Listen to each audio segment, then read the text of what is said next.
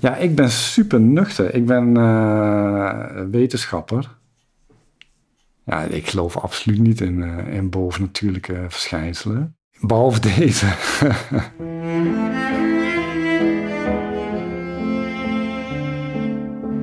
Een verschijning van geesten, vorige levens of bezoek van buitenaardse wezens. Vaak doen we het af als fantasie, onzin. Maar invloed heeft zo'n ervaring zeker. Er is iets vreemds gebeurd. Een ode aan het niet begrijpen.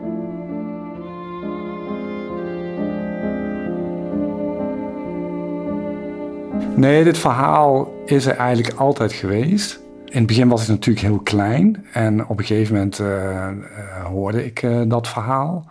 Maar dit, dit, spook waar we het over hebben, dat kwam altijd s s'avonds. En toen ik heel klein was, ja, ik denk dat het bij het huis hoorde. Op een gegeven moment werd ik ouder en, en zat ik s'avonds ook in de woonkamer. En, en ja, maakte ik het dus zelf ook mee. Dus ik wist dat er een spook was. Dus ik was niet bang, ik was wel uh, verrast van, oh, oh ja, dit is het dus.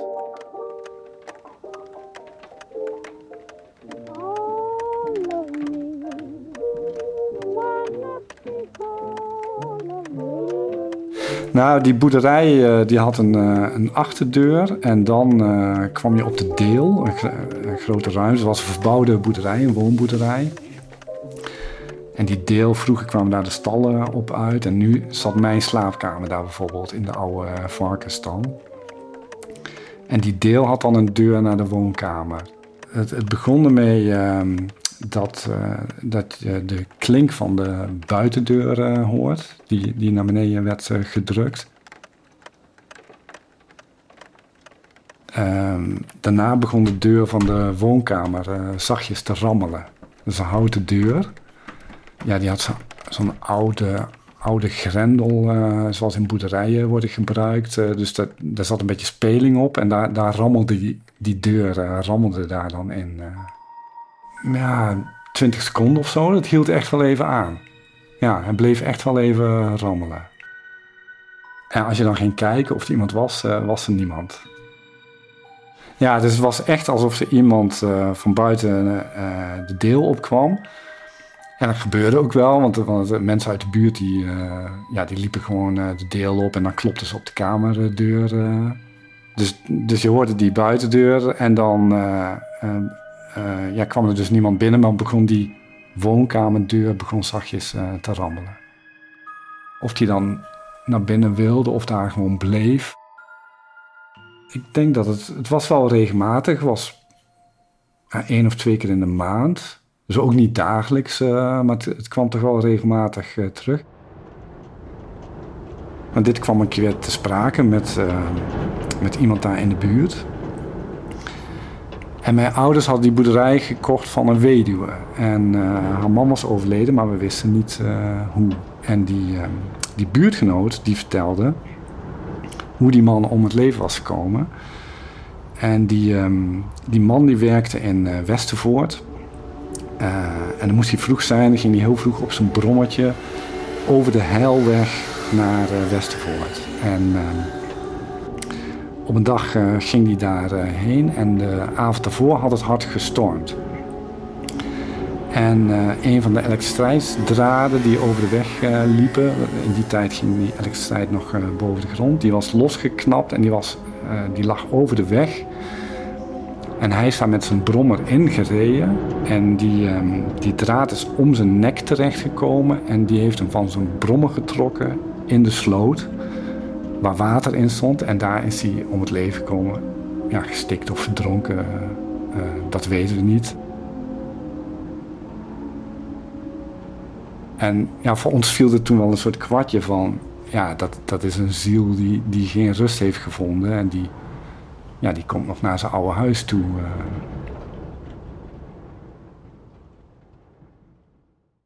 Omdat ik mijn vader er ook niet meer over heb gehoord, denk ik dat de spook toch rust heeft gevonden. Uh, ja, misschien, dat verzin ik nu hoor, want zijn weduwe leefde dus nog. Uh, dus misschien is het wel geëindigd op het moment dat zij overleed. Dat, ja, dat hij dan rust vond omdat zijn vrouw weer bij hem was.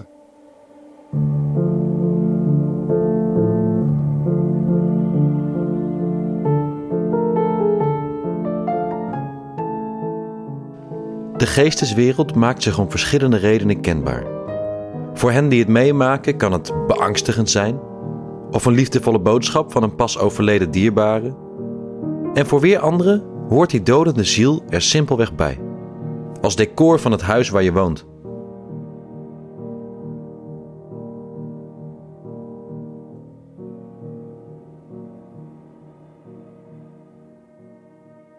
Ik ging verhuizen naar mijn eerste echte huis. Ja, een huis waar ik eigenlijk mijn hele leven kon, kon blijven wonen. En ja, ik was wel benieuwd wat voor smaak ik eigenlijk had. Of ik überhaupt smaak had. Dus ik dacht van, ik ga helemaal niks meenemen naar mijn nieuwe huis. En dan zie ik gewoon, ik ga alleen maar dingen kiezen voor mijn nieuwe huis. Meubels of zo, uh, dingen aan de muur. Die ik mooi vind. En dan ga ik gewoon, op een gegeven moment moet dan zichzelf moet mijn smaak zich dan openbaren. dat was mijn idee.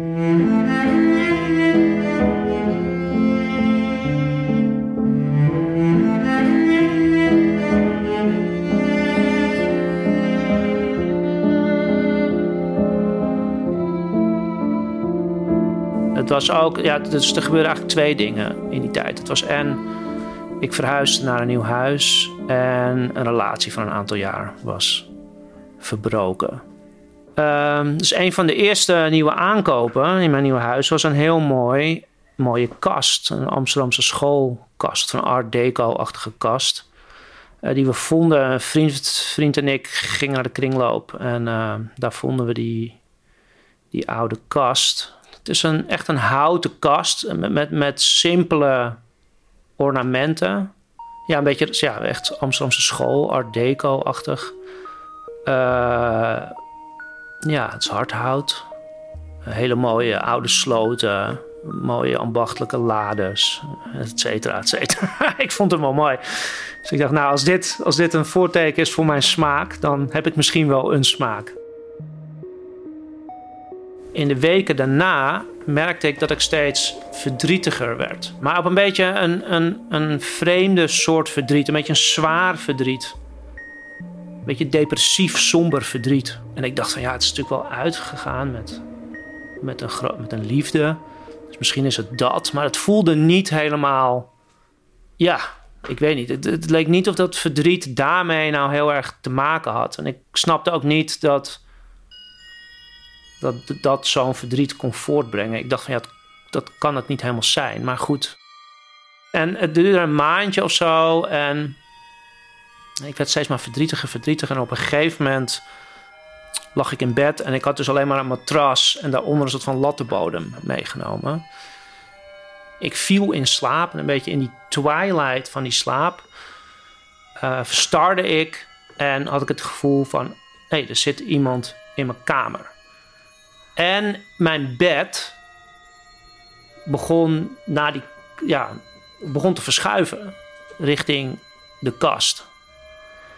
En ik dacht van, oh ja, nou, ja, er zit iemand in mijn kamer en mijn bed verschuift naar die kast. Maar ik voelde ook niet, ik had geen angst of zo. Ik dacht niet van, oh, dit is echt foute boel. Maar ik dacht wel, ik weet nog dat ik dacht, ik heb hier gewoon geen zin in. En ik, ik, ik me een beetje uit mijn slaap paralysis. En en uh, nou, ik, ik viel dus op een gegeven moment wel in slaap. En mijn bed, ik verschoof echt zo. Dat lattenbodempje met mijn matras verschoof richting mijn kast. En ik werd, volgende ochtend werd ik echt wakker naast mijn kast.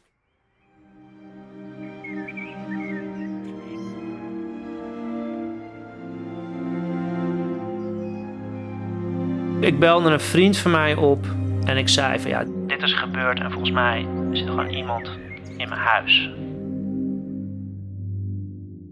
En diezelfde avond ging die vriend van mij die ging eten bij gemeenschappelijke vrienden. En die vertelde dit verhaal. En die vriendin die belde mij op en die zei van... Ja, ik, ik kan je denk wel helpen. en het, zij is een gerenommeerde documentairemaakster, maar bleek dus ook dat zij al haar hele leven medium is of zo. Maar daar hebben ze nog nooit wat mee gedaan. Of dat, deed ze tot toen, toen, toen dan, toen niks mee. En uh, ik zag, nou ja, oké, top, kom, kom maar langs. En, uh, en zij komt langs een paar, paar, dagen later of een week later. En ik zeg van, oh ja, maar ik heb het ook opgezocht op internet. En het kan ook, ja, sleep paralysis zijn. En misschien heb ik wel met mijn voet tegen de muur mezelf afgeduwd. Dus ik had allemaal een soort van logische theorieën over, nou, dit, kan ook zijn gebeurd, slaapwandelen. En in mijn slaapwandeling mijn bed weggeduwd. En zij komt binnen en uh, ze loopt zo naar de slaapkamer. En ze ziet, oh nee, ik zie het al. Ja, er zit gewoon iemand in je kast. en, uh, en, we waren toen met z'n drieën. Uh, en ik zeg, oh ja, oké. En nu? Ik zei, ja, ik ga gewoon vragen of hij weg wil gaan. En zij ging gewoon naar, naar de slaapkamer.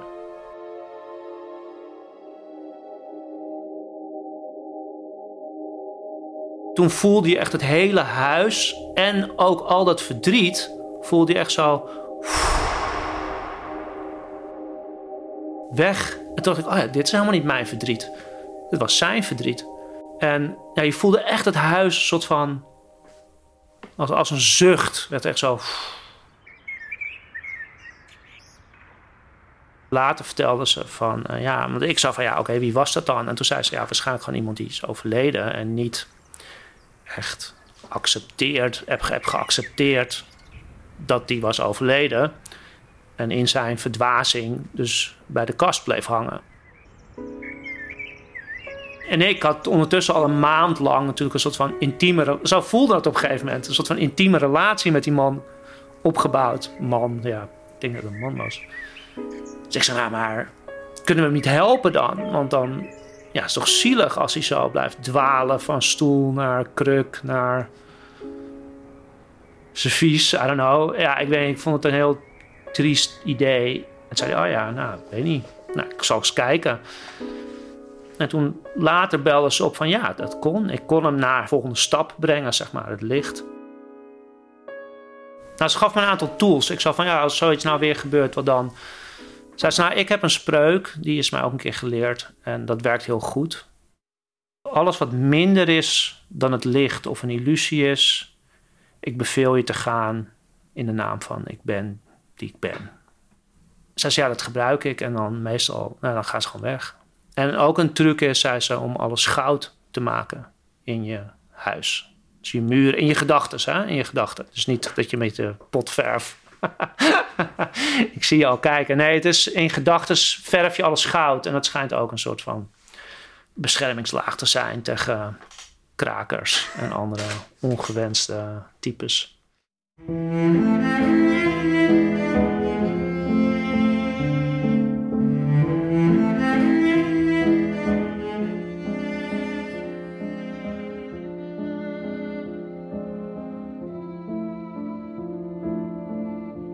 Iemand vroeg een keertje, was je niet bang? Of was je, niet Nee, nee, ik vind muizen vervelender, want dan kan je geen omgangsregeling mee.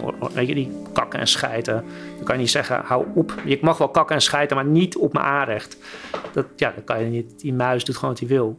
Maar met, ja, met een geest kan je, heb ik nog het idee van, ja, dan kan je gewoon een ja, soort van samenlevingscontract mee uh, aangaan, bij wijze van spreken.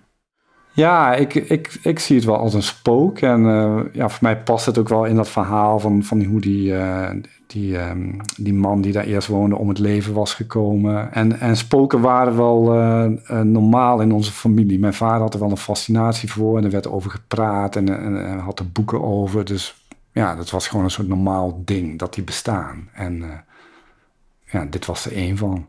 Nee, ik heb geen flauw idee. Het heeft ook geen naam en ik weet ook niet wat het is. En ik heb er ook geen godsbeeld bij. Of ik, ja, ik, ik heb er geen dogma's omheen gebouwd of rituelen. Het is meer een emotie, een, een, ja, die, of een, een diepere gewaarwording die, die, waar, ik nu, waar ik me nu in beweeg. Dat je kan vertrouwen op iets groters, op het universum. En dat gezegd ben ik ook, ook nog agnostisch. Dus ik wil niet, als het allemaal helemaal niks blijkt te zijn, is ook prima, weet je wel. maar dat is niet, ik vermoed dat dat niet het geval is. Ja, de wetenschapper in mij zegt van ja, er moet, iets, er moet een andere verklaring voor zijn. Maar ja, het zijn ook verhalen die, ehm, eh, die wel een functie hebben of bij mensen horen. En ja, zo accepteer ik ze ook. Uh, dus het maakt het ook niet zo uit of ze waar zijn of niet waar zijn. Goed, als er een geest is, dan. Uh, ja, ik ben toch ook niet bang voor jou. Jij zit voor me. Als je doodgaat en je zit voor me, ja, dan zit je nog steeds voor me. ja, ben jij toch nog steeds jij, bij wijze van spreken? Ja, ik weet niet. Ik zie het verschil niet helemaal.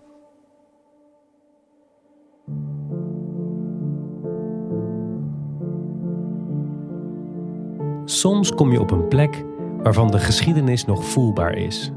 Soms zelfs zichtbaar. Meer daarover in de volgende aflevering. Heb je ook iets meegemaakt wat je niet helemaal kunt verklaren en wat je altijd is bijgebleven? We zijn benieuwd naar jullie verhalen, klein of groot. Stuur ons een mailtje naar info@babylonac.com. Er is iets vreemds gebeurd is een podcast van Babylon Audio Collective, gemaakt voor Podimo. In de Podimo-app vind je ook een andere serie waar we met veel plezier aan hebben gewerkt, namelijk Hoe Bella stierf. Ga naar podimo.nl/slash Bella en luister 30 dagen gratis.